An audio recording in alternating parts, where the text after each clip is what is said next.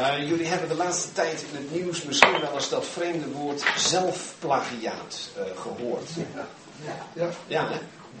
Nou, daar moest ik even aan denken bij de voorbereidingen voor deze avond. Want toen heb ik erg veel gehad aan een boek van een zekere Gerard Kramer. Uh, dat ik toch nog even kritisch heb geraadpleegd, maar waarvan ik dacht, daar kan ik best even een keertje naar verwijzen. Punt is namelijk de uitdrukking waar we het vanavond over gaan hebben, de verborgenheid van de wetteloosheid.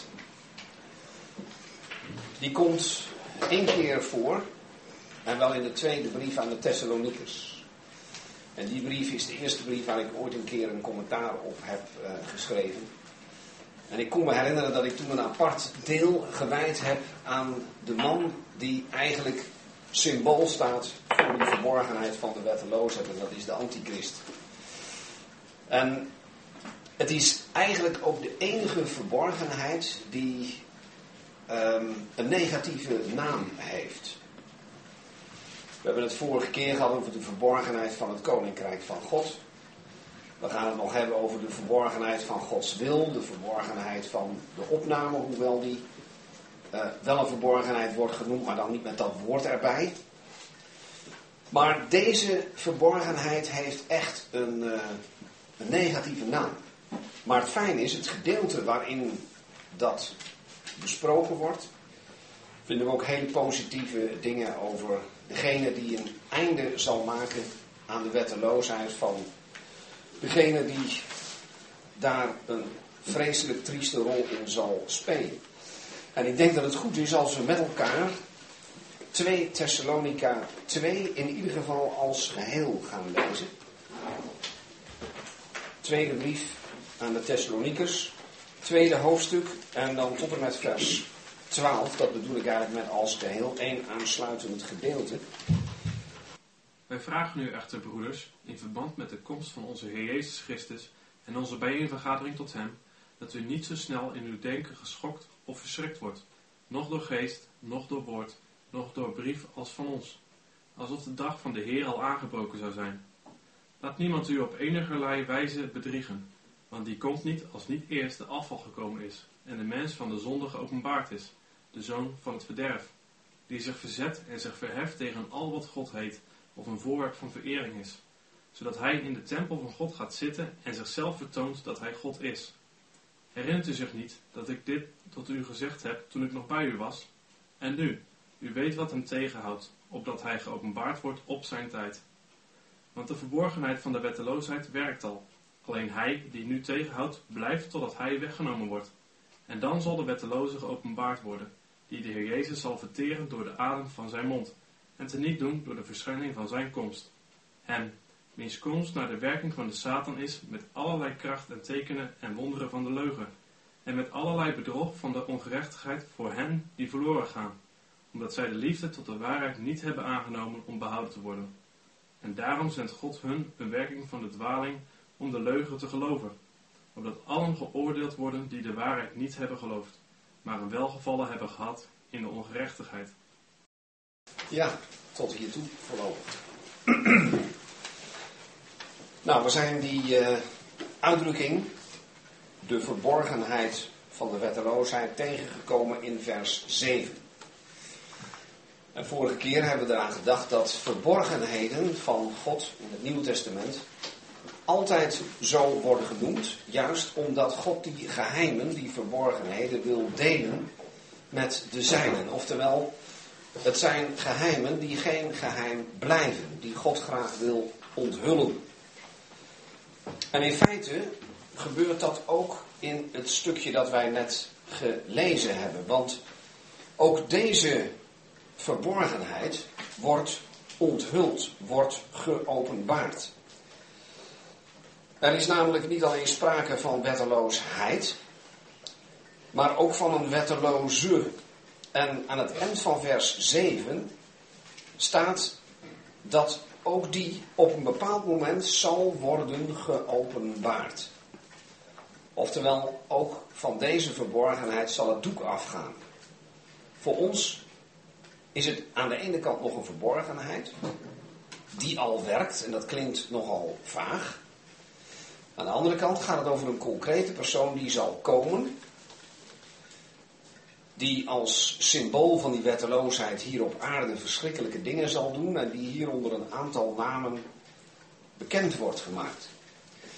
Er is alleen één probleem dat wij hebben en de Thessalonicus niet hadden. En dat is wat we lezen in vers 5. Daar zegt Paulus, terwijl hij al bezig is met de uitleg, herinnert u zich niet dat ik u dit gezegd heb toen ik nog bij u was? Met andere woorden, de apostel doet een beroep op een stukje voorkennis van de Thessalonikers. Voorkennis die een beetje weggezakt was.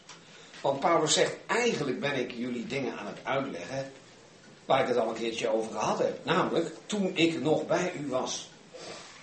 Nou, Paulus is hier niet geweest.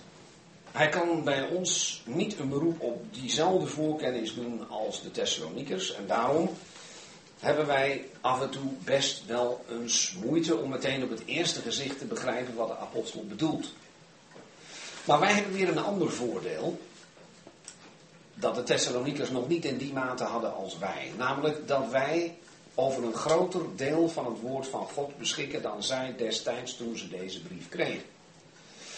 Wij hebben namelijk ook nog de brieven van Johannes. En daar wordt, denk ik, en ik hoop dat straks ook te laten zien, dezelfde persoon besproken over wie hier zulke vreselijke dingen worden gezegd. En we hebben niet alleen maar de brieven van Johannes, we hebben ook nog het Bijbelboek Openbaring. En als we al die gegevens combineren, dan denk ik niet dat wij slechter af zijn dan de Thessalonikers. Misschien zijn we zelfs beter af. In ieder geval, de schrift geeft ons over de persoon om wie het uiteindelijk gaat bij de verborgenheid van de wetteloosheid, het de wetteloze, behoorlijk veel informatie. En het lijkt misschien aan de ene kant een beetje triest dat we ons vanavond gaan bezighouden met nogal erge dingen die deze persoon gaat doen, die hij zal doen, die hij zal zeggen. Eh, mensen die hij zal misleiden. En daarom, toen ik gisteren in Brunsum op de bid stond, uh, hoorde dat werd meegedeeld dat ik hier naartoe ging. En ik zelf even verteld heb over welk onderwerp ik het hier ging hebben, dat ik erbij zei. Maar gelukkig, het is wel een triest onderwerp, maar het loopt goed af. Het loopt zodanig af dat de betrokkenen zelf geoordeeld wordt. Maar dat de overwinnaar met naam en toenaam wordt genoemd. En dat is in vers 8 de Heer Jezus. Die door de adem van zijn mond en de verschijning van zijn komst de persoon over wie wij nu wat meer gaan lezen, teniet zal doen. En teniet doen betekent letterlijk hem buiten werking stellen. Hem inactief maken. Niet door hem te doden. Dat staat hier niet. En het boek Openbaring maakt ook duidelijk dat hij ook niet zal sterven, maar levend zal worden geworpen in de poel van vuur. Zijn einde zal er niet beter om zijn, integendeel. Die Thessaloniekers zaten met een probleem. En dat is dat ze, laten we zeggen, hun zicht op de profetische kaart een beetje kwijt waren geraakt. Paulus wil dat probleem helpen oplossen. Aan de ene kant wordt hij heel even wat ongeduldig, een beetje moedeloos. Dat heeft iedereen die wel eens eh, les moet geven. Van, had ik dit niet alles een keertje verteld? Maar aan de andere kant zegt Paulus ook in Filippi 3, dezelfde dingen aan u te vertellen is voor mij niet vervelend en u geeft het zekerheid. Nou, dat zal hij ook op een gegeven moment zich hebben gerealiseerd toen hij dit nog eens uitlegde aan de Thessaloniekers. En hij weet dat hun probleem was dat ze op een gegeven moment door al die vervolgingen dachten, hebben wij iets gemist? Is de dag van de Heer, de oordeelsdag, soms al gekomen? Die dag van waarvan wij dachten dat we die niet zouden meemaken. En dan zegt Paulus in vers 2, je moet niet zo snel van de kook zijn in je denken geschokt of verschrikt worden. Nog door geest, dat betekent een geestelijke openbaring, zo gebruikt Johannes het woord. Nog door woord, nog door brief als van ons, alsof de dag van de Heer al aangebroken zou zijn. En dan zegt de apostel, als we doorlezen, als ik het even in eigen woorden mag zeggen, dat kan helemaal niet. Want daaraan voorafgaand moet eerst nog iets anders plaatsvinden. En dan spreekt hij eerst over vers 3 dat dan eerst de afval moet komen. De totale afvalligheid. Nou, je kunt alleen maar van een tafel afvallen als je er eerst opgeklommen bent. Of van een stoel. Dan zul je eerst op moeten klimmen of gaan zitten. En waar vallen deze mensen nou vanaf? Waar zijn ze eerst op gaan staan? Dat is de beleidenis van het christendom. En die zal in de toekomst worden opgegeven door mensen die daar eerst een band mee hadden. Daar gaat Paulus hier niet uitvoerig op in, maar zo moet je dat woord wel lezen. Afval kun je ook vertalen met op een afstand gaan staan van. Dus een bewuste verwijdering van een plek, een positie die je eerst hebt ingenomen. Kennelijk heeft de apostel daar redelijk uitvoerig over gesproken, want hij gaat niet dat begrip afval hier verduidelijken. Maar hij gaat wel praten over een man die komt en waarvan de Thessalonikers, net als Paulus, konden vaststellen dat zijn komst nog niet was aangebroken. En kennelijk is die noodzakelijk, die komst, om te kunnen spreken van de dag van de Heer. Dat is trouwens op zich een onderwerp apart, de dag van de Heer. De oordeelsdag, maar ook de dag waarop de Heer Jezus verheerlijk zal worden in al zijn heiligen. En als hij met de zijnen terugkomt. 2 Thessalonica 1, het hoofdstuk hieraan voorafgaand, spreekt daarover. Maar hij zegt dat komt allemaal pas, wat deze aarde betreft, als eerst. En nou komt de naam van de man die het eerst gebruikt. De mens van de zonde geopenbaard is. De mens van de zonde. De mens die gekenmerkt wordt door enkel zondigheid. Die ook wordt genoemd aan het van datzelfde derde vers, de zoon van het verderf, dus de tweede benaming. Dat kan betekenen dat hij uit het verderf voortkomt en dus volledig door verderf wordt gekenmerkt. Je kunt dat ook verklaren als degene die ten verderven gaat. Dus die onderweg is naar het verderf. Allebei is het natuurlijk heel triest als je gekenmerkt wordt door de zonde. Als je gekenmerkt wordt door en onderweg bent naar het verderf. En dan wordt hij verderop nog genoemd. Ik noem uh, de, zijn naam al even in vers 8. De wetteloze. Van beide wordt gezegd dat ze geopenbaard zullen worden in vers 3 en in vers 8. En ik ben zo vrij te veronderstellen dat de apostel het over dezelfde persoon heeft.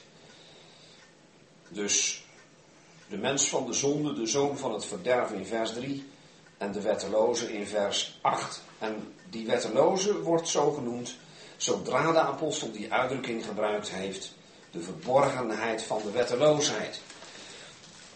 De onthulling van wie de wetteloze is, die volgt dus nog. Hij moet nog geopenbaard worden. Maar die wetteloosheid in verborgen vorm, daarvan zegt de apostel, die werkt al. Je kunt al kenmerken zien, zegt hij, al in de tijd dat hij dit schreef, de eerste eeuw na Christus, van die wetteloosheid waarvan de antichrist zelf het symbool het, de levende werkelijkheid zal zijn. Nou heb ik de term antichrist gebruikt. Die kennen wij. Die term gebruikt Paulus niet. Maar we hebben al gezegd dat we schrift met schrift gaan vergelijken. En ik denk dat er alle reden is om vast te stellen dat de man die door Paulus wordt aangeduid als de mens van de zonde, de zoon van het verdervende wetteloze, dat diezelfde man door Johannes wordt genoemd de antichrist.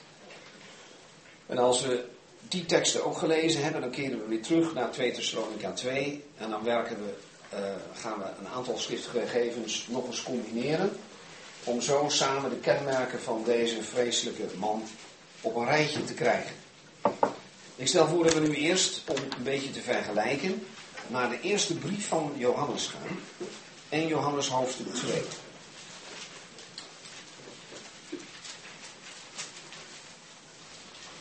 Ik raad altijd iedereen aan met twee Bijbels te werken.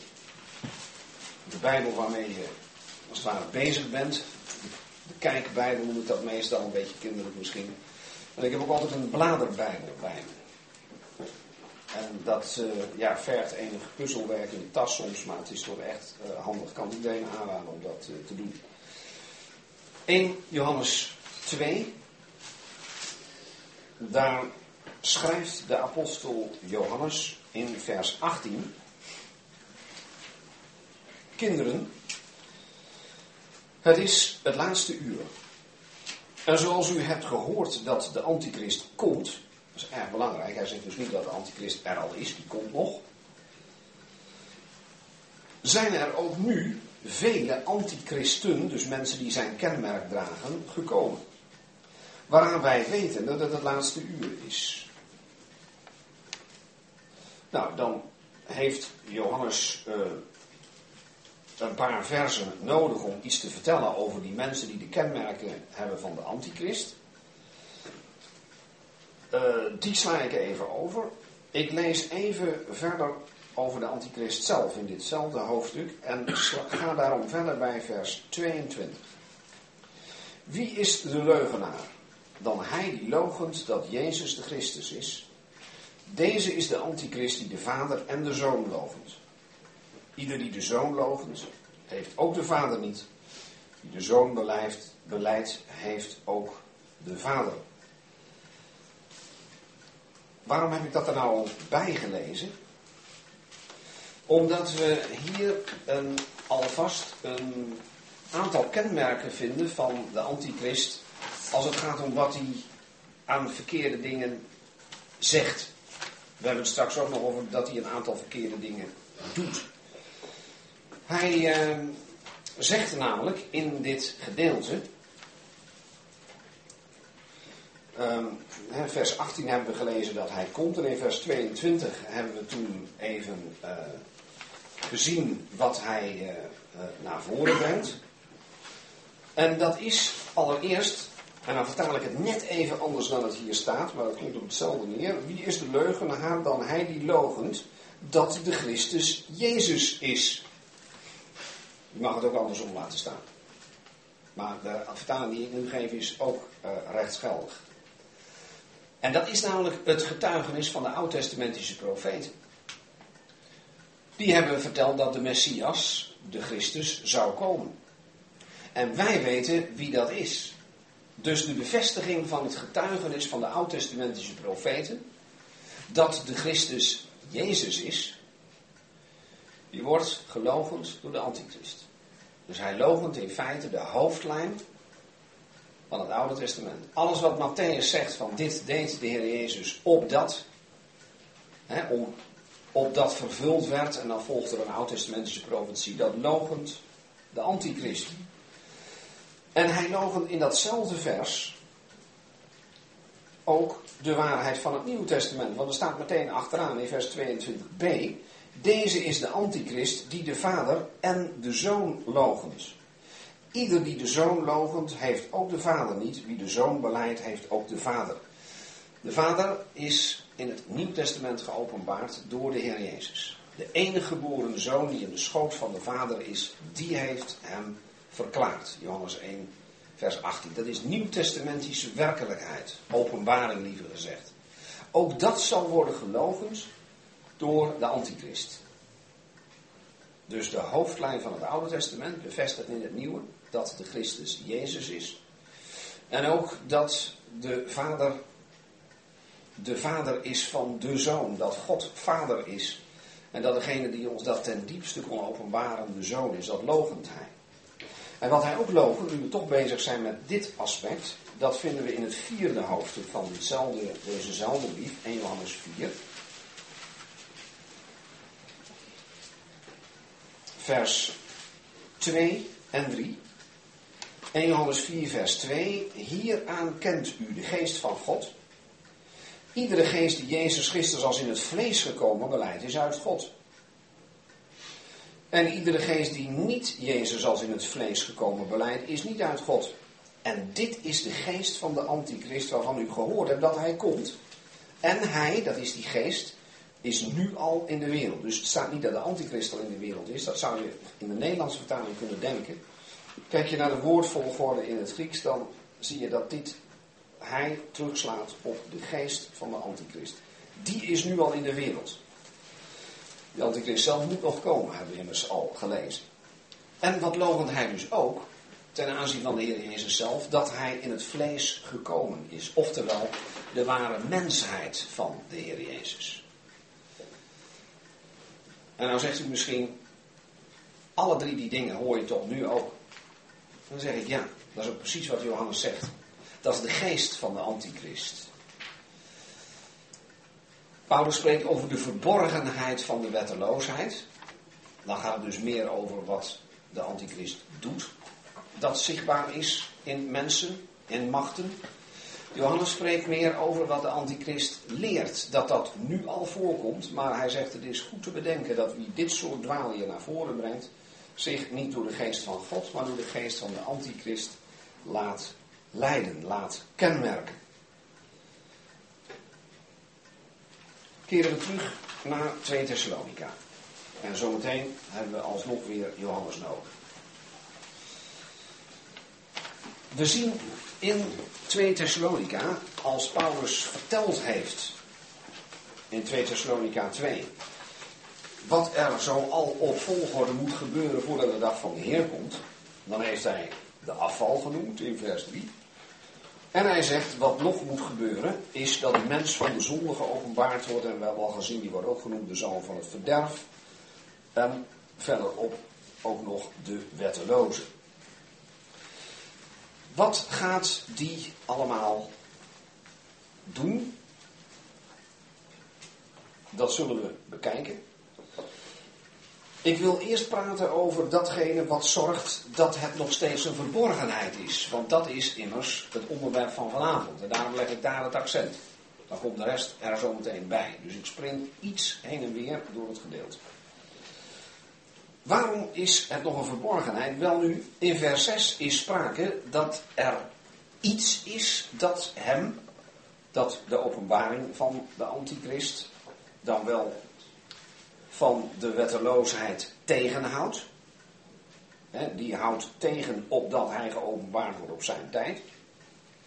Dat is uh, wat er uiteindelijk dus uh, zal volgen. Maar nu wordt het tegengehouden. Want de verborgenheid van de wetteloosheid werkt al. En dan staat er in vers 7b in eensprake. Alleen hij die nu tegenhoudt, blijft totdat hij weggenomen wordt. Dus de wetteloze. CQ, de openbaring, de onthulling van de verborgenheid van de wetteloosheid. Daarvan, daarbij is sprake van wat tegenhoudt, wat hem tegenhoudt, en van wie tegenhoudt. Soms wordt dat wegvertaald, heb ik gezien. In sommige zeer moderne vertalingen. Dat is ongelooflijk jammer, want de apostel schrijft dat niet voor niks. Die onderscheidt dat zorgvuldig. Laten we eens beginnen bij de iemand die tegenhoudt. Dat doe ik niet omdat ik het beter wil weten dan de apostel, want die kiest niet voor niks voor deze volgorde. Daar moet je altijd voorzichtig zijn. Maar het heeft mij wel geholpen om het zelf uh, goed te gaan uh, begrijpen. Per slot van rekening schrijft de apostel dit aan mensen die zijn mondeling onderwijs al gehoord hebben, die dus een stukje voorkennis hadden. Dus met het stukje voorkennis dat ik nu zo meteen probeer te geven, als we dan nog eens vers 6 en 7 lezen, dan zullen we het misschien uh, goed op een rijtje krijgen. Hij die nu tegenhoudt, blijft totdat hij weggenomen wordt. Dat klinkt vaag. Maar we kunnen één ding vaststellen. Die iemand is niet iets. Het is dus een persoon. En nou zouden wij best hebben willen horen wat die Thessaloniekers nou dachten toen ze dit lazen. Als die mensen een beetje redelijk geheugen hadden, zullen ze gedacht hebben, gun, ja, dat is ook zeg. Daar heeft Paulus over gepraat. Paulus heeft net gezegd in vers 5, herinnert u zich niet dat ik u dit gezegd heb toen ik nog bij u was. Nu, misschien zijn de geheugens weer wat gaan werken. In ieder geval, Paulus gaat niet uit van de gedachte dat hij dat nou ook nog eens een keer moet vertellen. Nou, gelukkig, heb ik al gezegd, is er een andere apostel die, uh, die dat wel gedaan heeft. En we gaan daarom weer naar 1 Johannes, naar het vierde hoofdstuk. Waar denk ik een hele bruikbare aanwijzing staat voor ons om het antwoord te geven op de vraag wie is de persoon die tegenhoudt.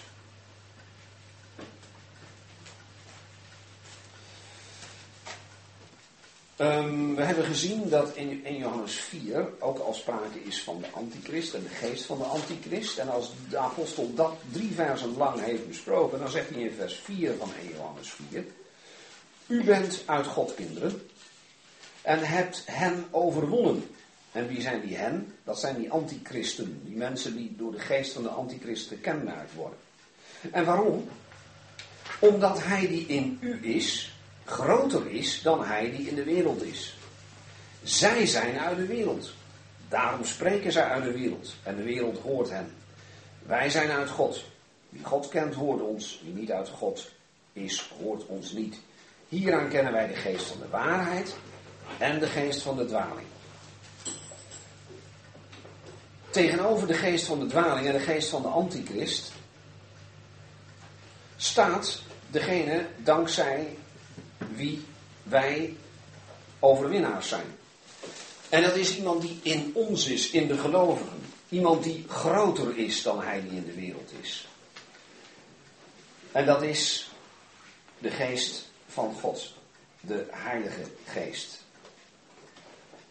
En wat is het kenmerk van iemand die door de Heilige Geest wordt geleid? Iemand die God kent, die luistert graag naar het apostolisch onderwijs. Die hoort ons. Johannes zegt als het ware, die luistert naar mij en mijn collega's. En wie niet uit God is, die hoort ons niet.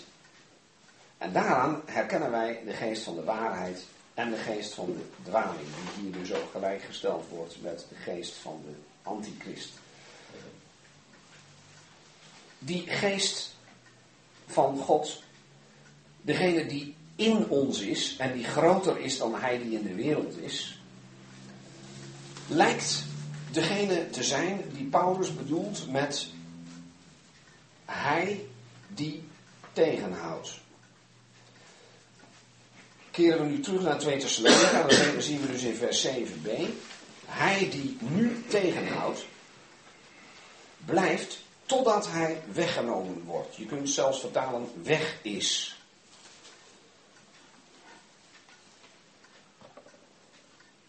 Daar hoop ik zo nog één zinnetje over te zeggen. Want vlak daarvoor, aan het eind van vers 6, is sprake. U weet wat hem, wat de antichrist, wat de openbaring van de wetteloosheid tegenhoudt.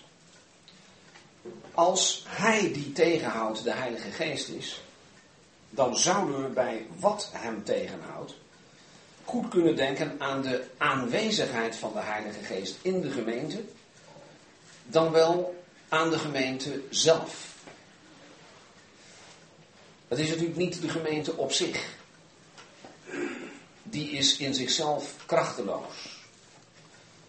Maar waarom spreekt Johannes zo prachtig over gelovigen met kenmerken van overwinnaars? Dat is omdat ze de geest van God hebben. De geest die uit God is. En dat is degene, dankzij wie de gemeente overeind blijft. En als de gemeente wordt opgenomen, dan is ook de Heilige Geest niet meer hier op aarde. Dat wil zeggen, niet meer als een weerhoudende macht. Ik zal nooit zeggen dat als de gemeente is opgenomen, de geest van God niet meer op aarde werkt. Dat doet hij wel. Dat deed de geest ook voordat de gemeente er was. De geest heeft gewerkt in allerlei gelovigen in het Oude Testament. David spreekt uitdrukkelijk over de geest van God, die in zijn mond, die op zijn tong was. En ook straks als de gemeente is opgenomen, dan is Joel 2 pas echt helemaal in vervulling gegaan. En niet alleen de voorvervulling van de Pinksterdag. En dan zal de Heilige Geest echt niet alleen werken, maar mogelijk zelfs ook wonen in het gelovige overblijfsel in de toekomst. Maar nu in deze tijd heeft de geest van God een bijzondere werking. En dat is dat hij de openbaring van die vreselijke macht tegenhoudt.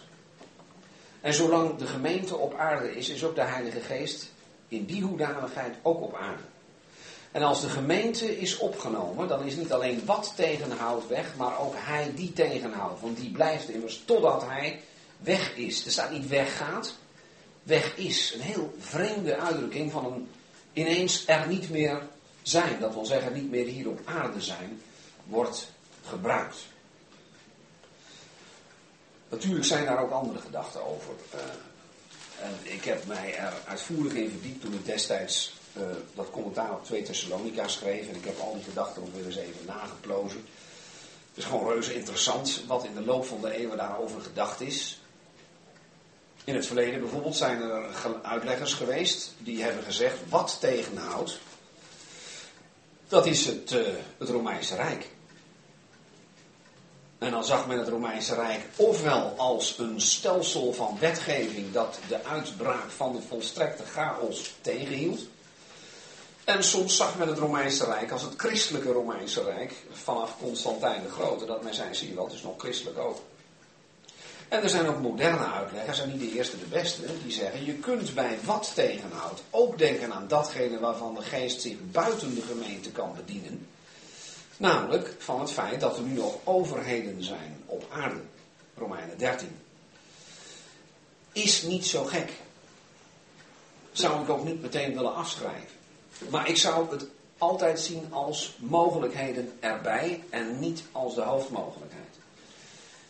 Juist die tekst in Johannes, dat hij die in ons is meer is dan wie in de wereld is, vind ik zelf een hele sterke aanwijzing dat de apostel daarop doelt op de geest van God die in ons is, die in de gemeente is. En de Heilige Geest en de gemeente zijn onlosmakelijk met elkaar verbonden, zien we ook in de gesprekken die de Heer Jezus gehad heeft in de opperzaal. De Heilige Geest die zal bij de gelovigen, bij de discipelen, bij de gemeente blijven tot in eeuwigheid. Met hen de aarde verlaten en dan breekt hier op aarde ook werkelijk de afval en ook de openbaring van de wettelozen uh, los. Wat is nou het werkterrein van die antichrist en wat gaat hij doen? Wel nu, laten we eerst weer eens kijken naar 2 Thessalonica 2. Daar vinden we één belangrijke aanwijzing voor de geografische plek op aarde waar de antichrist, zo noem ik hem, zijn werk gaat doen. En wie van jullie ziet die geografische aanwijzing? Stel, ik zou ondeugend zijn en willen zeggen, je ziet toch duidelijk in deze geschiedenis dat Antichrist zijn operatieterrein zal kiezen in Brunsum in Zuid-Limburg. Nou, dan moeten jullie mij kunnen weerleggen uit dit gedeelte en aangeven van nee, niet in Brunsum, maar, nou, waar kom je dan uit?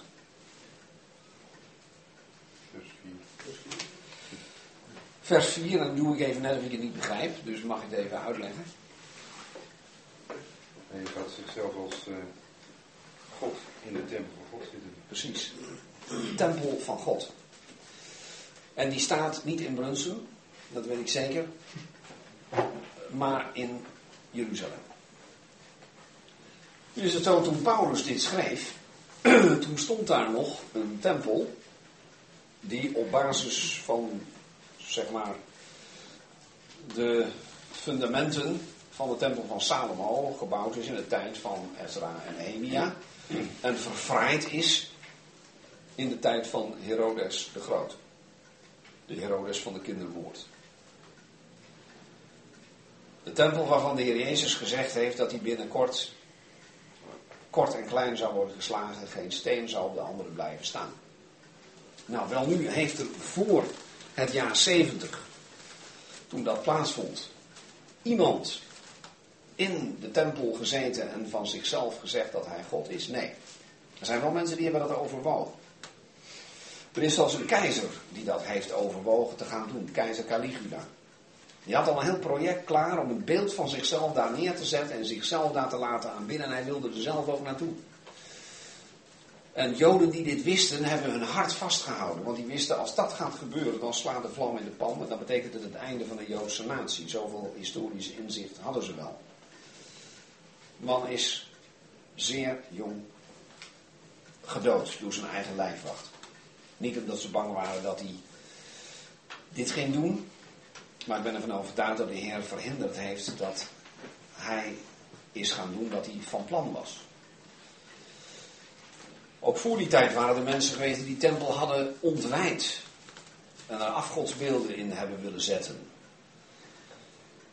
Maar vanaf de geschiedenis van Paulus, de periode dat hij hier schreef aan de, tweede, aan, aan de Thessaloniekers, tot het jaar 70 is er geen mens live in die tempel geweest om daar te gaan zitten met de pretentie dat hij God is.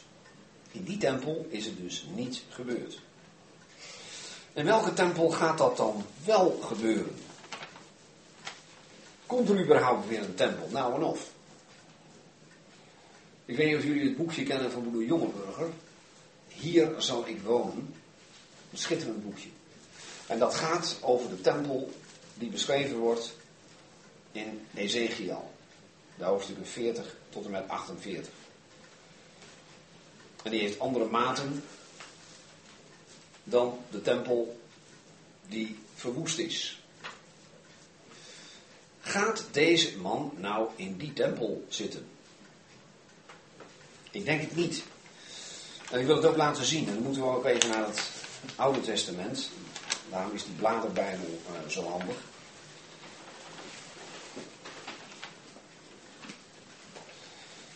Ezekiel. Nou, dan gaan we eerst even naar hoofdstuk 48.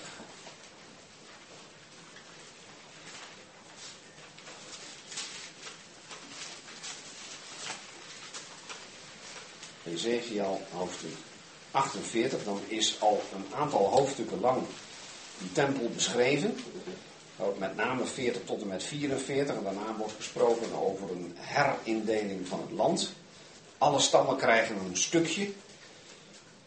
En elke stam heeft een plakje van het land, als ik het zo mag zeggen. Een stuk dat aan zee grenst, een stuk binnenland en een stuk dat aan de Jordaan grenst. Heel mooi verdeeld. En dan staat er in Ezekiel 48, het achtste vers. En naast het gebied van Juda, aan de oostzijde, van de oostzijde tot de westzijde, moet de heffing liggen, die gij zult geven, 25.000 L breed en de lengte als een der delen van de oostzijde tot de westzijde. En dan komt wat ik bedoel. En het heiligdom zal in het midden daarvan zijn. Dat is een aanwijzing dat die tempel pas wordt opgericht nadat de nieuwe indeling die in het Vrederijk zal tellen, tot stand is gebracht. En wie zal die tempel dan bouwen? En als we dat lezen, dan zien we gelijk dat het onmogelijk is dat die tempel zal worden ontwijd door de antichrist. Dan moeten we naar een andere oud-testamentische profeet, en dat is de profeet Zacharia. Zacharia, hoofdstuk 6.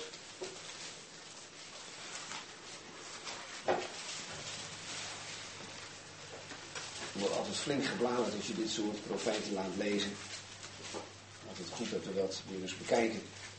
Zacharia 6, vers 13. Maar ik lees eerst even vers uh, ehm, 12. Nee, ik ga zelfs tot vers 11.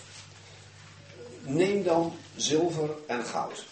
En maak een kroon en zet die op het hoofd van de hoge priester Jozua, de zoon van Jozadak, en zegt tot hem, zo zegt de Heer der Heerscharen, zie een man, wiens naam is Spruit. Dat is een heenwijzing naar de Heer Jezus. Deze zal uit zijn plaats uitspruiten en hij zal de tempel des Heren bouwen. Ja, hij zal de tempel des Heren bouwen. En hij zal met majesteit bekleed zijn. En als heerser zitten op zijn troon. En hij zal priester zijn op zijn troon. Heilzaam overleg zal er tussen hen beiden zijn. Nou, wanneer zal de Heer Jezus als koning, priester op zijn troon zitten? Dat is in het vrederijk. En van die persoon wordt gezegd dat hij die tempel, de tempel die dan zal functioneren, de tempel dus die in Ezekiel beschreven wordt, zal bouwen. Dat wil niet zeggen dat de Heer dat eigenhandig doet, hoewel hij dat uiteraard kan. maar wel mogelijk dat project zal leiden. Net zoals wij nu zeggen dat koning Salomo de tempel heeft gebouwd. Nou, we weten allemaal dat hij daar allemaal mensen heeft ingeschakeld. Of de Heer dat ook zo zal doen, dat, uh, dat zou best kunnen, dat weten we niet. Maar hoe dan ook, het is wel de tempel die van hem is. Hij zal die tempel des Heren bouwen. Dat staat er zelfs twee keer. De spruit zal het doen aan het eind van vers 12. Hij zal de tempel des Heren bouwen. Vers 13. Ja, hij zal de tempel des Heren bouwen. En die hij, daar kan geen misverstand over bestaan. Dat is degene die met majesteit bekleed is. Die als heerser zal zitten op zijn troon. En de volmaakte koning-priester zal zijn in het vrederijk. Nou, zou dat de tempel zijn die al zo vroeg wordt opgericht dat de antichrist hem midden in de grote verdrukking nog zal kunnen ontwijden? Dat lijkt me onmogelijk. Dus is er maar één oplossing denkbaar. En dat is dat er voorafgaand aan de tempel van Ezekiel, die ook door Zacharia wordt genoemd, een tussentempel zal worden opgebouwd, waarvan nu vaak wordt gezegd dat de materialen er al liggen. Of die door de Joden die nu in ongeloof in het land wonen zal worden gebouwd als een soort verwijzing naar hun geschiedenis. Of door het gelovige overblijfsel met goede bedoelingen en dat de antichrist hem dan ontwijdt en inpikt. Dat is onduidelijk. In ieder geval zal die tempel er niet staan en zo goed als zeker verwoest zijn in de oordelen die de komst van het vrederijk uh, zullen vergezellen. Hoe het ook zij, toch is het opmerkelijk dat die tempel waar de antichrist zich in gaat zitten, uh, waar die in gaat zitten, de tempel van God wordt genoemd. God heeft ook bijvoorbeeld nooit gezegd, en ook de Heer Jezus niet, dat de tempel zoals die door Herodes was verfraaid voor zijn eigen eer, echt niet om God te eren, die noemde de Heer Jezus toch het huis van mijn vader. Als daar die wisselaars uh, die tafel neergezet, dan zegt u, u hebt het huis van mijn vader tot het huis van koophandel gemaakt. Terwijl er notabene staat, en dan verwijst de Heer naar de schriften, mijn huis zal een huis van gebed genoemd worden. Maar u hebt er een rovershol van gemaakt. Met andere woorden, als zo'n huis wordt neergezet en het wekt de indruk bedoeld te zijn voor de verering van God, dan zegt God als het ware, dan zal ik je ook op die beleidenis pakken. En dan is het dus ernstig wat de antichrist doet. Want die weet waar die tempel voor is bedoeld. En hij gaat daar zitten, niet om God te eren, dat blijkt heel duidelijk, want in vers 4 staat, hij gaat in die tempel zitten en hij vertoont zichzelf dat hij God is. Dus het gaat om de verering van de antichrist hemzelf. Hij wil vereerd worden. Niet zomaar op een troon. Hij zal ook een stukje regeringsmacht hebben. Maar hier wil hij zich op een bijzondere plek laten vereren. Namelijk de tempel van God. Alsof hij de hoofdbewoner van God is. En dat maakt duidelijk uh, hoe hoog het deze man in de bol is uh, geslagen. Een hele ernstige zaak. Waarom heet die man overigens de antichrist? Johannes noemt hem zo. Het is goed om te weten, en we zullen zo een ander gezicht van Johannes gaan raadplegen, dat het Griekse woordje anti twee dingen kan betekenen. Het kan betekenen tegen, en dat klopt. De antichrist is tegen Christus, we hebben dat gelezen. Hij logent de Vader en de Zoon. Hij logent dat de Christus Jezus is. Hij logent dat de Heer Jezus het is gekomen. Antichrist tegen Christus. Maar anti kan ook betekenen in plaats van. En dat is ook een pretentie die hij heeft. Dat hij zelf de Messias is. En de Heer Jezus heeft over hem in die hoedanigheid al een keer gesproken. Nu gaan we naar het evangelie naar Johannes. In Johannes hoofdstuk 5. Johannes hoofdstuk 5.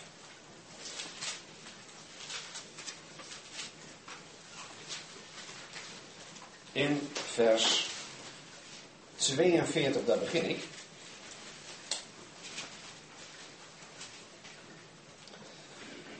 Johannes 5, vers 42, daar zegt de Heer Jezus: Ik ken u dat u de liefde van God niet in uzelf hebt. Ik ben gekomen in de naam van mijn Vader. En u neemt mij niet aan. Wie dan wel, dat komt nu. Als een ander komt in zijn eigen naam, die zult u aannemen. Dat is een rechtstreekse verwijzing naar een valse Messias die komt in zijn eigen naam. En dat moet de antichrist zijn, althans zo noemt Johannes hem in zijn eerste brief. De Heer Jezus in de naam van de Vader, niet aangenomen. Een ander die komt in zijn eigen naam, die zal worden aangenomen, terwijl die juist zou moeten worden verworpen. Gaan we naar het boek Openbaring, hoofdstuk 13.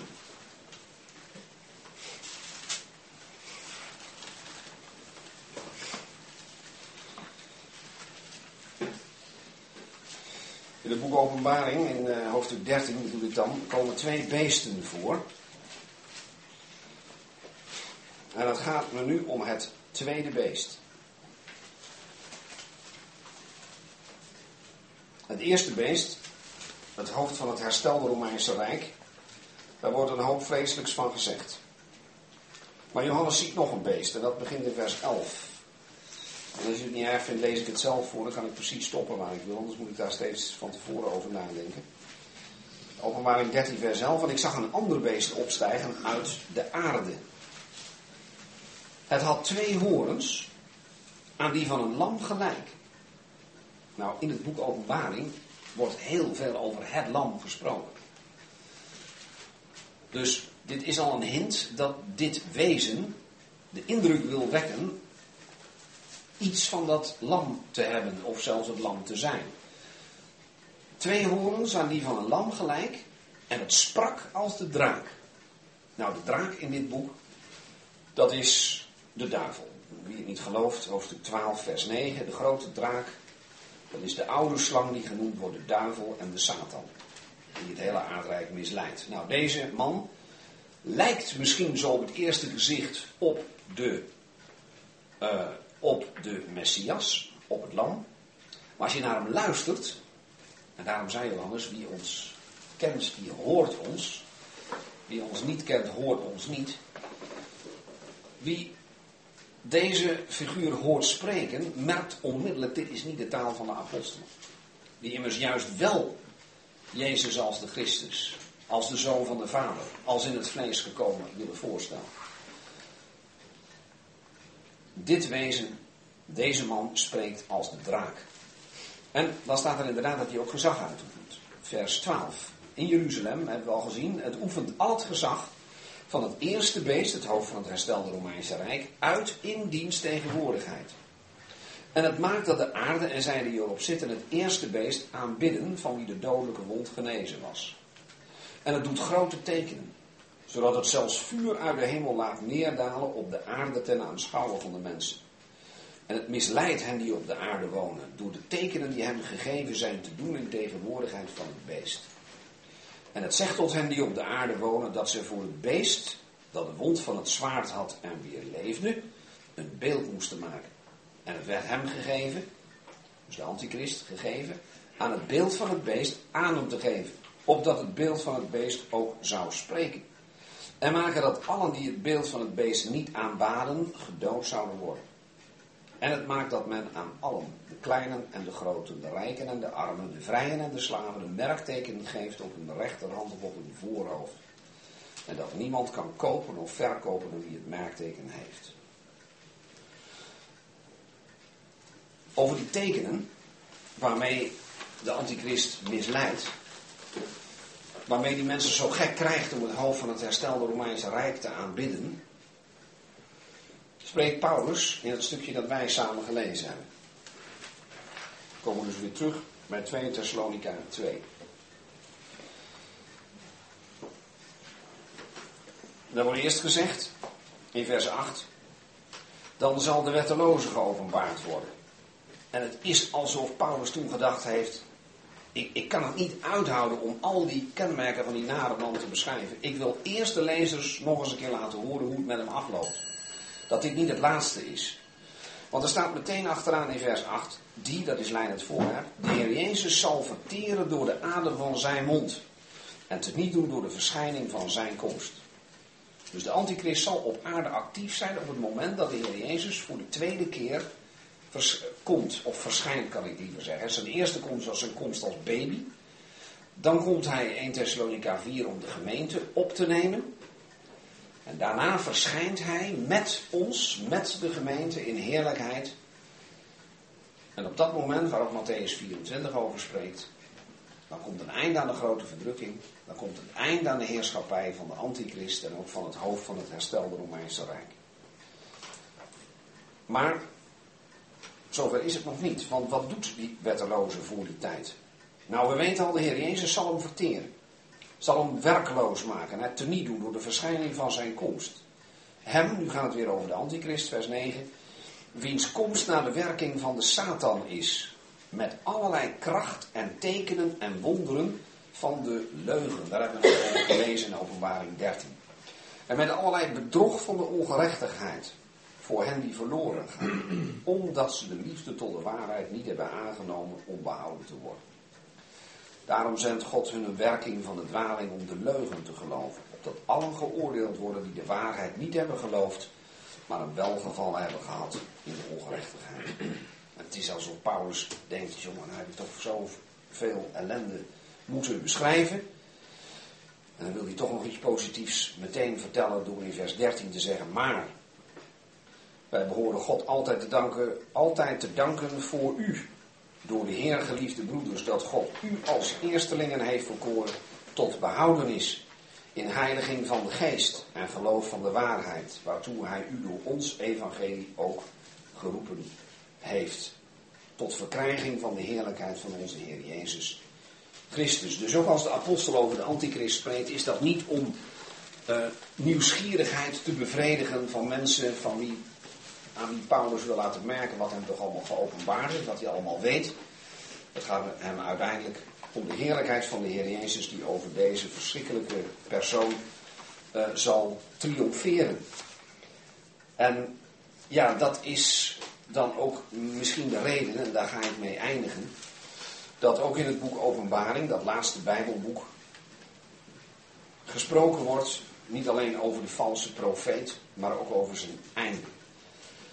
En dat lijkt me ook een passend einde van dit deel van de avond. Ik wil die drie plaatsen nog even met jullie lezen. Openbaring 16.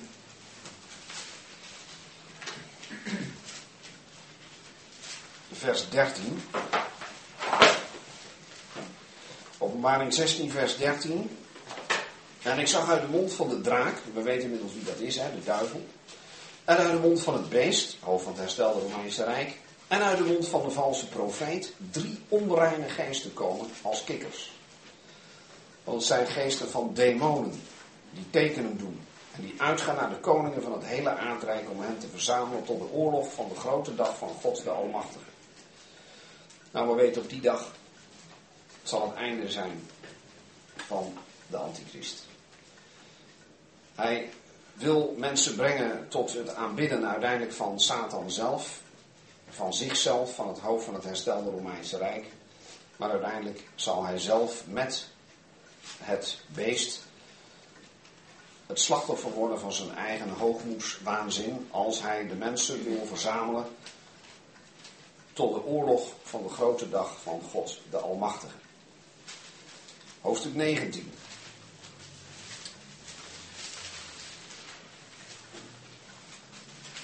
Dan is die dag ineens inmiddels uh, geweest. En dan staat er in vers 20. Ik laat ik bij vers 19 beginnen. Openbaring 19, vers 19. En ik zag het beest en de koningen van de aarde en hun legers verzameld om oorlog te voeren tegen hem die op het paard zat en tegen zijn leger. Daar hebben we dus net ook van gelezen. En het beest werd gegrepen. En met hem de valse profeet, die de tekenen in diens tegenwoordigheid had gedaan. Waardoor hij hen misleidde die het merkteken van het beest ontvingen en die zijn beeld aanbaden. Levend werden deze twee geworpen in de poel van vuur die van zwavel brandt. En tenslotte, hoofdstuk 20, het tiende vers. Waar ook de grote inspirator achter die verschrikkelijke machten definitief wordt uitgeschakeld. Openbaring 20, vers 10, dat is na het vrederijk. 20, vers 1 tot 6 is de beschrijving van het vrederijk. En vanaf vers 7 zijn de duizend jaar voleindigd. Dan blijkt de duivel niets geleerd te hebben van een duizendjarige gevangenisstraf. Maar hij gaat zijn oude stiel weer beoefenen. Hij gaat misleiden. En dan staat er, als hij weer de naties misleidt om tegen Gog en Magog, om, om uh, vanuit die plaatsen uh, op te trekken, om de heilige stad te omsingelen en de heiligen daar, dat is vers 9. Dan lezen we in vers 10, en de duivel die hen misleidde werd geworpen in de poel van vuur en zwavel.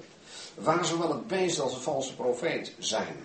Op dat moment zijn zij daar, want ze zijn er voor het vrederijk al in gegooid. En zij zullen dag en nacht, zij, dat zijn dus de duivel, het beest en de valse profeet, dag en nacht gepijnigd worden tot in alle eeuwigheid. Dat is het einde van deze vreselijke man. Van zijn compagnon, het hoofd van het herstelde Romeinse Rijk. En van hun inspirator, de duivel. En wie is de grote triomfator? Dat is gelukkig de Heer Jezus, die lezen we in de Kolossenbrief. Door het kruis in principe al over hen heeft getriomfeerd. Maar die ook daadwerkelijk aan deze vijanden een einde zal maken door wat Paulus noemt in 2 Thessalonica 2. Dat is de verschijning van zijn komst. Door het feit dat hij zelf geopenbaard wordt. Want er mag dan een wetteloze geopenbaard worden. Het belangrijkste is dat uiteindelijk God zegt van nou heb ik nog iemand die ik wil laten zien. Die ik wil openbaren. En die laat hij verschijnen. Die openbaart hij. En dat is de Heer Jezus. De koning van de koningen, de Heer van de Heer. En het geweldige is dat de geschiedenis die nog zo'n verschrikkelijke rimpeling te zien zal krijgen, uiteindelijk zal worden afgesloten door de heerschappij van de zoon van de vader, de koning van de koningen, de Heer van de Heer.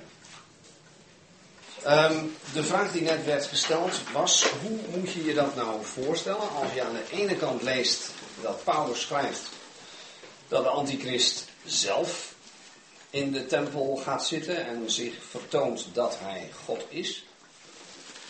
Terwijl aan de andere kant in openbaring 13 sprake is van dienstbetoon van de antichrist aan het hoofd van het herstelde Romeinse Rijk. En dat dienstbetoon bestaat eruit dat hij voor het beest een beeld maakt en maakt dat men uh, hem het aanbidt. En uh, al pratend kwamen we eigenlijk al een eind in die uh, richting.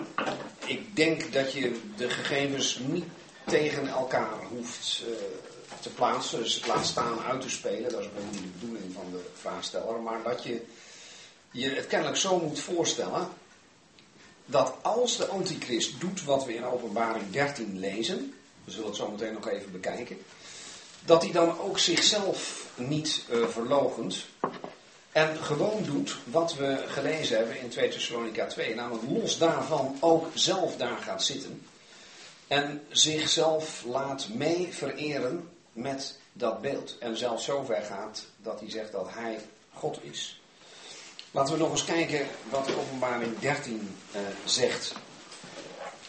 In uh, vers 12 begin ik nog even. Openbaring 13, vers 12. Het oefent al het gezag van het eerste beest, dat is het hoofd van het herstelde Romeinse Rijk, uit in dienst tegenwoordigheid. Openbaring 13, vers 12. Oftewel, um, hij oefent gezag uit, maar het is afgeleid gezag. Degene die feitelijk de basis, de politieke macht heeft, is het hoofd van het herstelde Romeinse Rijk. Vergelijk dat met de manier waarop uh, de Herodessen heersten over Judea, maar de echte baas zat in Rome, dat was de keizer. Nou, zo zal ook de antichrist weten dat um, het gezag dat hij uitoefent, het gezag is van het eerste beest, en dat hij dat ook doet in zijn tegenwoordigheid. En dan staat er, en het maakt dat de aarde. En zij die erop wonen, het eerste beest, hoofd van het herstelde Romeinse Rijk, dus aanbidden. Van wie de dodelijke wond genezen was. Verderop lezen we dan hoe hij dat deed. Dan krijgen we eerst de tekenen. Het doet grote tekenen. Zodat het zelfs vuur uit de hemel laat neerdalen op de aarde ten aanschouwen van de mensen. En het misleidt hen die op de aarde wonen door de tekenen die hem gegeven zijn te doen in tegenwoordigheid van het beest. Dus het beest, het hoofd van het herstelde Romeinse Rijk, is daar dan zelf bij. In tegenwoordigheid van het beest, zoals we dat ook zagen in vers 12. En het zegt tot hen die op de aarde wonen. Dat betekent mensen die niets anders hebben wat hun hoop en hun leven betreft dan deze aarde, in die tijd dan. Dat zij voor het beest dat de wond van het zwaard had en weer leefde, hoofd van het herstelde Romeinse Rijk dus, een beeld moesten maken. Dus de antichrist zegt, jullie moeten een beeld maken voor je nieuwe president. En het werd hem gegeven aan het beeld van het beest adem te geven. Je ziet nu echt demonische dingen gebeuren, want dit kan niet met een normaal standbeeld, maar hij kan het wel. Dus het wordt hem gegeven aan het beeld van het beest adem te geven, opdat het beeld van het beest ook zou spreken. En wat doet dat beeld van het beest nog meer? En maken, doordat het dus kan praten, dat allen die het beeld van het beest niet aanbanen gedood zouden worden.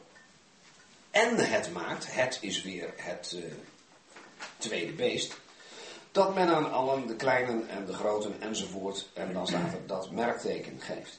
Nou, ik denk inderdaad, als ik de beide gegevens uit 2 Thessalonica 2 en Openbaring 13 combineer, um, dat de antichrist enerzijds een eigen plek heeft in die tempel, waar hij zichzelf laat aanbidden, misschien in de slipstream van de aanbidding van het beeld van het beest, dat hij daar laat neerzetten, waarover Daniel spreekt als de gruwel van de verwoesting op de heilige plaats, namelijk op die tempel. Dat tweede beest heeft namelijk dezelfde kenmerken als de duivel. En dat is ook degene door wie de antichrist zich laat leiden. Dat kun je namelijk hier aan zien. Als we heel even een hoofdstukje terug gaan in openbaring.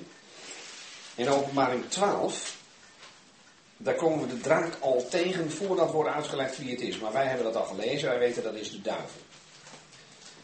Dat staat in uh, een paar versen verderop. Vers 9. Ja, vers 9, bedankt. Uh, in vers 3 staat er werd een ander teken gezien in de hemel. En zie een grote vuurrode draak met zeven koppen en tien horens en op zijn koppen zeven diademen. Dat is de draak. En we hebben verderop gelezen, dat is de duivel. En dan lees je een hoofdstuk verder, 13 vers 1. En ik zag uit de zee een beest opstijgen dat tien horens en zeven koppen had.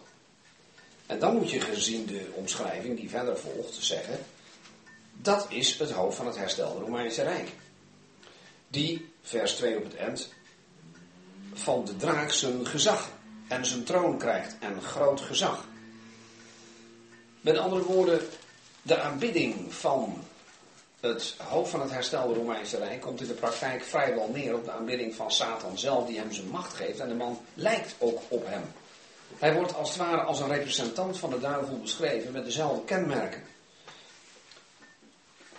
Met zeven koppen en tien horens die de draak had.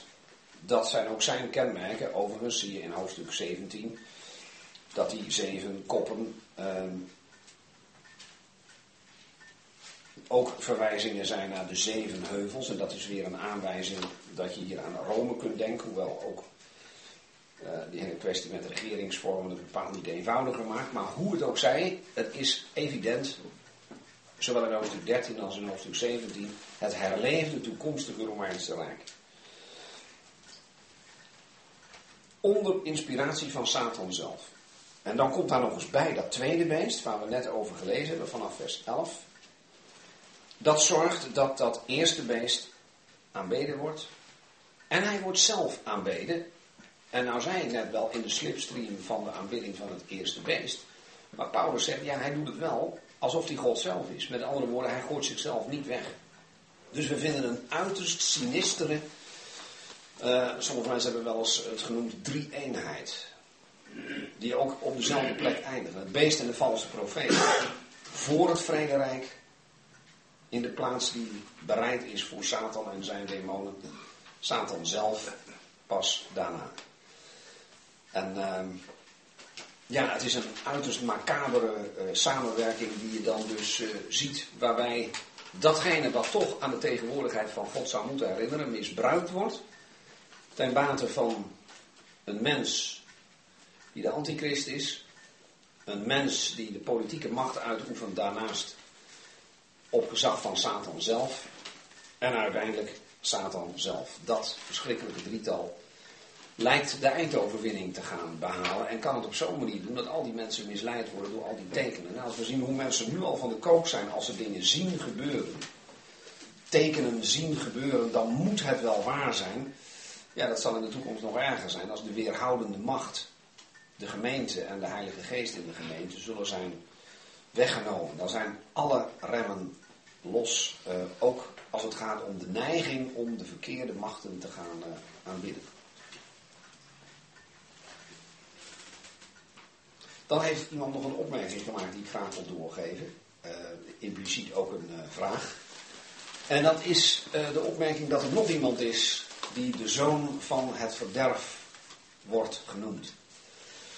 En dat is natuurlijk Judas. En ik denk dat de Heer die naam voor Judas niet zomaar heeft uh, gegeven. Je kunt ook zeggen dat de Heer via Paulus ook de antichrist niet zomaar diezelfde naam heeft laten geven.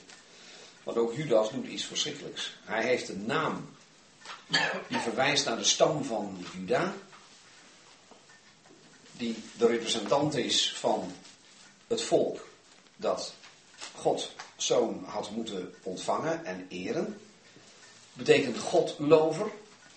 Maar Judas vond zichzelf en zijn beloning, de dertig zilverlingen, en de kennelijk door hem misgelopen plaats in het koninkrijk belangrijker dan de verworpen koning zelf.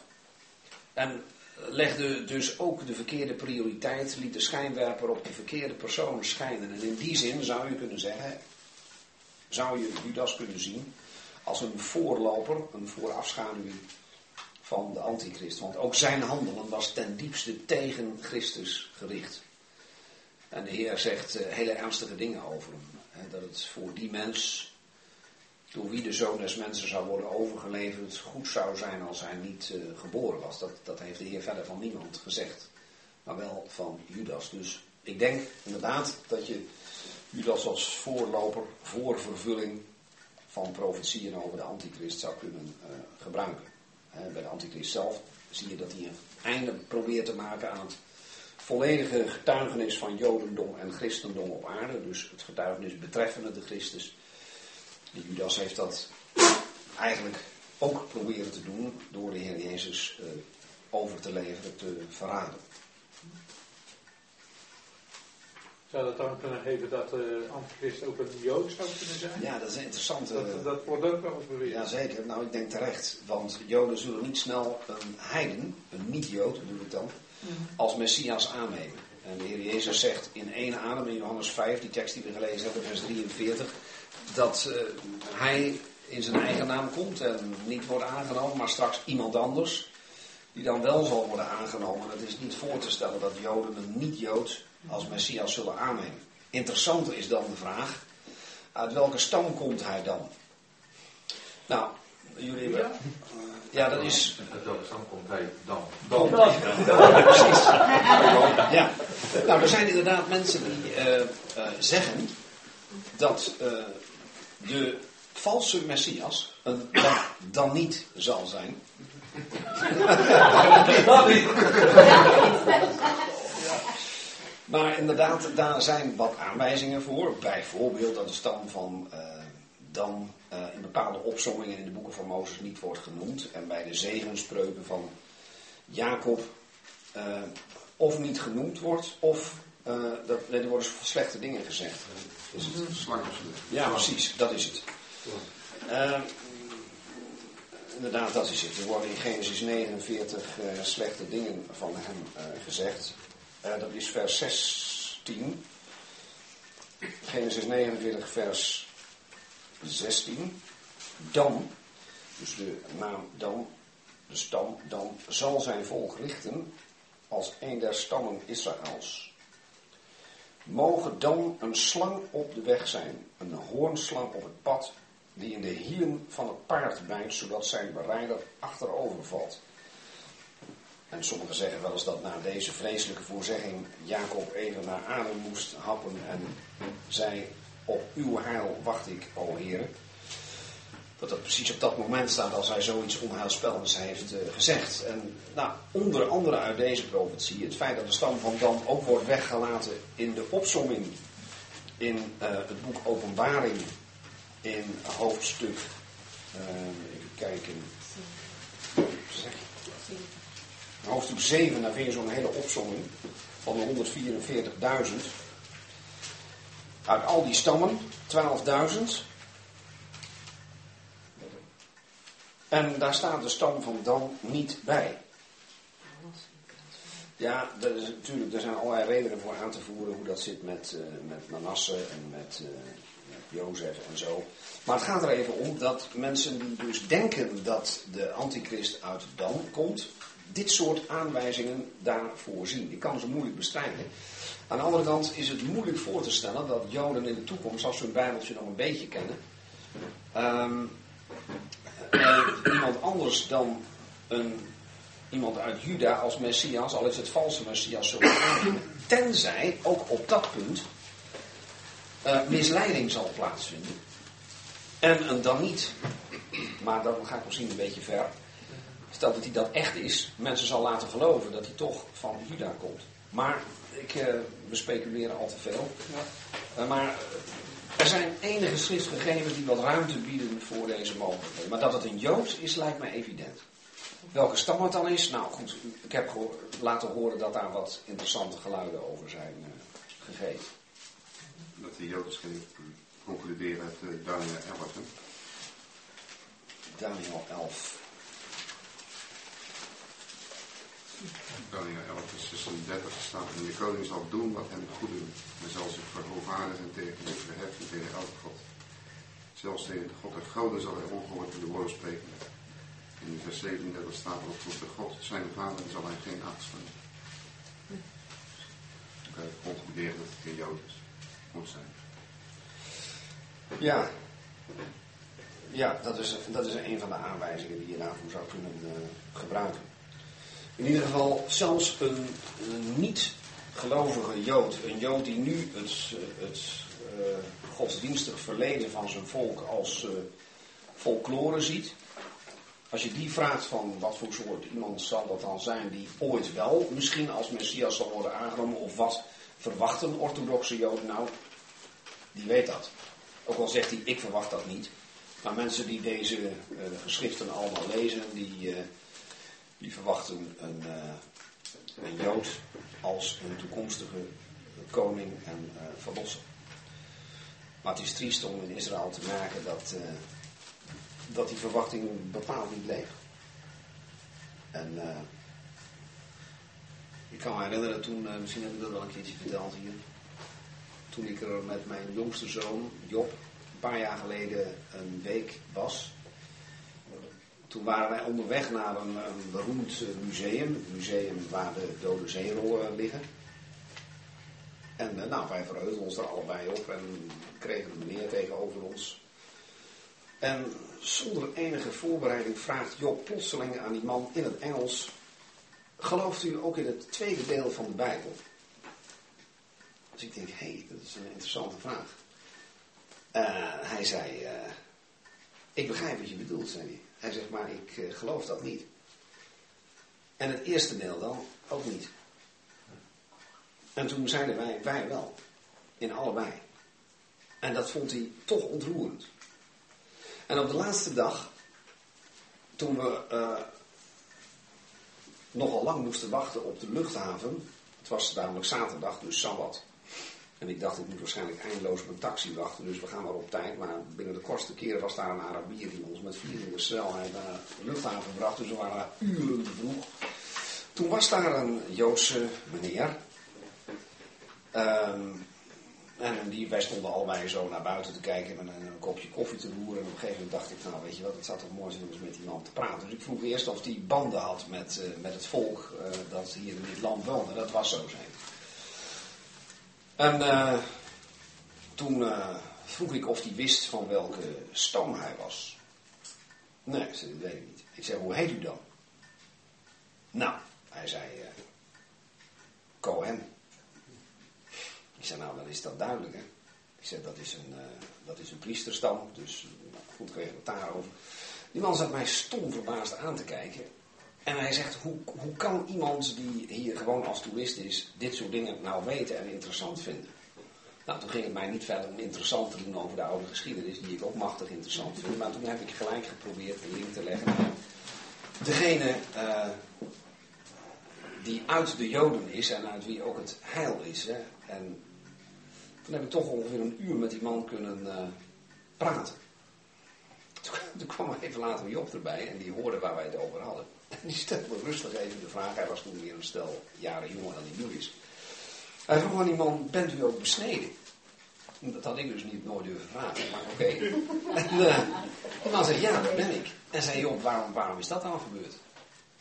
Ja, zei hij, ik hoor wel bij dit volk. En dat, dat hoort zo. Als je Jood bent, wat je ook gelooft, dat gebeurt. En dan zie je die merkwaardige tweespalt. Ze weten soms heel weinig van zichzelf, van de stammen, van hun geschiedenis. Vaak wel iets van de toekomstverwachting. En als je ze dus zou zeggen van acht uur mogelijk dat er ooit Joden zullen zijn die een niet-Joden als Messias zullen aanvaarden, dan weet ik nu al zeker, dan zeggen ze nee, dat is ondenkbaar. Dus um, dat is natuurlijk geen bewijs. Maar het laat zien aan de ene kant dat ze iets weten van die toekomstverwachting, maar aan de andere kant dat het totaal niet leeft. De meeste mensen die wij gesproken hebben zagen dat als een interessant stuk folklore, waarvan ze het leuk vonden dat er af en toe ook eens mensen uit het verre Nederland kwamen die dat ook interessant vonden. Maar veel verder ging het niet. En eigenlijk is dat natuurlijk heel triest. Want je denkt dan gelijk al even verder van zouden dit nou mensen zijn die zich straks wel laten beetnemen door de antichrist? Dat zou namelijk heel goed kunnen. En dan, dan is dat toch wel een hele ernstige gedachte. Maar de orthodoxe joden bidden toch voor de komst van een Messias? Ja. Ja. Ja, dat is maar 4% van de... Jawel, maar bij een bepaald gedeelte leeft dus nog, zeg maar, de verwachting aan de komst. Hmm. Zeker. Dus de komst als, als een Benjamin, hè? Niet wat je in Zachariah 12 vindt, de, komst van de leidende. Nee, dat, dat, uh, sommigen gaan wel zo ver dat ze, uh, als je je daarover horen spreken, dat ze dat niet onmiddellijk ontkennen. Maar dat is zeker niet hun verwachting. Nee, dat is niet zo. Overigens is het niet makkelijk om met orthodoxe joden als toerist in contact uh, te komen. Ehm, ten eerste zitten ze, krieken ze heel snel bij elkaar in hun kledij en hun uiterlijk. En mensen die gewoon Jood zijn, maar niet orthodox, uh, hebben stel niet erg op. Laat staan op mensen aan wie je kunt zien dat het toeristen zijn. Ook al loop je niet in je korte broek. Maar goed, als je een fototoestel om je nek hebt, is dat voor hun al uh, het idee van, nou, dat is niet het interessantste uh, gesprekspubliek. Dus het is mij niet gelukt, maar goed, misschien ben ik het tekort geweest, om met zulke mensen rechtstreeks in contact te komen, wat ik het best graag had gewild. Vangen ze mijn list, zou ik zeggen. Doe een zwart pak aan, bolhoed op en je bakkenbaren laten staan. Ja, Staat die tip ook op het uh, dat is okay. Maar ja, dan, dan betaalt hij dan, hè? Gewoon te weg doen. Maar de orthodoxe joden in New York, die, die spreken ook Engels volgens mij. Ja. En in Antwerpen. En in Antwerpen, ja zeker. Nou of. Ik heb eens een keer een, een lezing gehoord van uh, Roger Diedi over die... Uh, over dit gedeelte in openbaringen 13. En toen zijn hier een paar opvallende dingen en dat vond ik wel mooi. Hij zegt, er komt op het, als ik me goed herinner, er komt op het tempelplein een beeld van de hoofd van het herstelde rijk, zeg maar. Mm. Zodat dat zichtbaar is. Mm. En de antichrist zal, zal zich in de tempel zelf zetten als, en zich laten vereren als God. Mm. En dat woord grugel, dat schrijft dan in Ezekiel 8 een bewijs te zijn dat wat een afgodsbeeld is. En uh, dat vond ik wel interessant. En wat ik ook interessant vond was, Hij zegt het is een, een wonder dat Israël een aantal oorlogen overleefd heeft. En als je daarover nadenkt in 1948 en in, uh, wat was het, 67 en in 73, dan denk ik dat dat waar is. Zeker. En hij zegt, hier zie je dat dus de antichrist zich laat aanbidden in de tempel, als dat hij God is. En dan komt daar een oordeel over. De koning van het zuiden en de koning van het noorden. En dat vond ook wel weer een eye-opener voor mezelf. Want dan, dan ga je denken van, hé, hey, dat doet je dan denken aan uh, de tucht die God gaf in de vorm van Nebuchadnezzar. Vanwege de afval van het volk.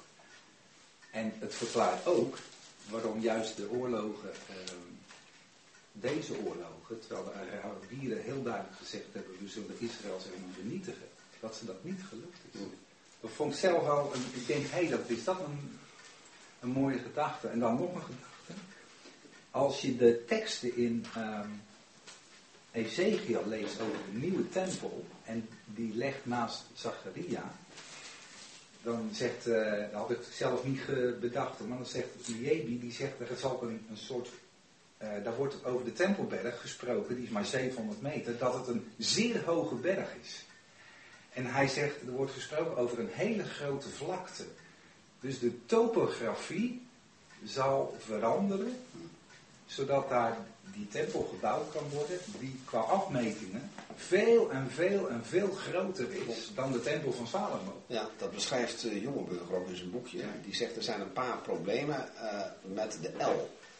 En hij zegt als je die neemt op de lengte uh, die hij zou verwachten. Hij zegt dan is dat zo'n groot uh, complex dat je het moeilijk kunt voorstellen hoe je het moet oplossen. Maar goed, daar, broeder uh, Libi heet hij. Uh, die heeft daar hele verstandige dingen over gezegd en geschreven. En dat is zeker wat, wat, dit soort typisch Joodse dingen betreft. En, ja.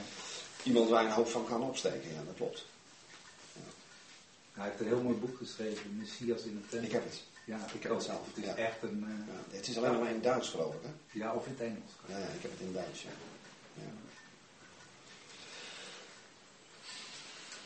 Zijn er nog mensen die wat willen zeggen of vragen?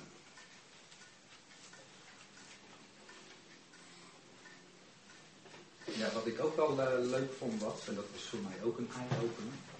Ik heb altijd gedacht dat de Heer Jezus zeg maar zal verschijnen en dat dat een eenmalige gebeurtenis is. Maar als je tekst in het Oude Testament gaat lezen, dan lees je dat hij dat die verschijning een periode is. En dat hij in Egypte verschijnt en dat hij op een andere plaats verschijnt. Hij zal komen uit Thema staat het. En dan krijg je ook het idee dat de verschijning um, van de Heer Jezus, dat dat um, ja, ik dacht van hij komt met de zijne en dan boem, wordt het alles in één keer anders. Maar dat is niet zo. Hij verschijnt in Jeruzalem, zeg maar. Maar schijnt ook in Egypte te komen en op, op andere plaatsen. En dan ga je dat ook wel weer zien als een proces.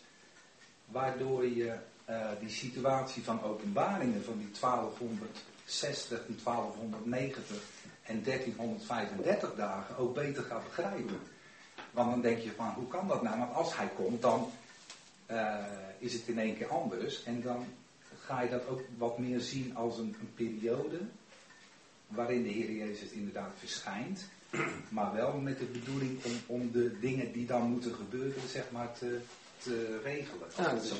Aan de ene kant zou je kunnen zeggen, is de verschijning de, de samenvattende uh, uh, betiteling van zijn zichtbare komst in majesteit. Maar weten we onder andere uit de plaatsen die spreken over de oordelen over de volken, uh, ook over de concrete genoemde volken, ja, die zullen een keer moeten plaatsvinden en dat zal de, niet allemaal op één dag per se hoeven te gebeuren. En in feite hebben die volken op dat moment te maken met het oordeel dat hij over hen dan brengt. En uh, alleen hier in het gedeelte dat wij vanavond gelezen hebben, gaat het natuurlijk specifiek over um, de verschijning van de Heer die een einde maakt aan deze verschrikkelijke uh, machten. En in het boek Openbaring zien we dan dat dat een komst is op het moment dat men de meest hoogmoedige oorlogshandeling wil uh, volbrengen die men maar kan bedenken. En uh, dat is uh, de verschijning aan deze personen op dat moment. Maar er zullen ook over allerlei volken oordelen worden voltrokken door dezezelfde Heer. En hij zal ons erbij inschakelen op een manier waar nauwelijks uh, opmerkingen over worden gemaakt. Maar het is wel zo. Hè. Veel van dat soort details zijn nog niet uh, onthuld.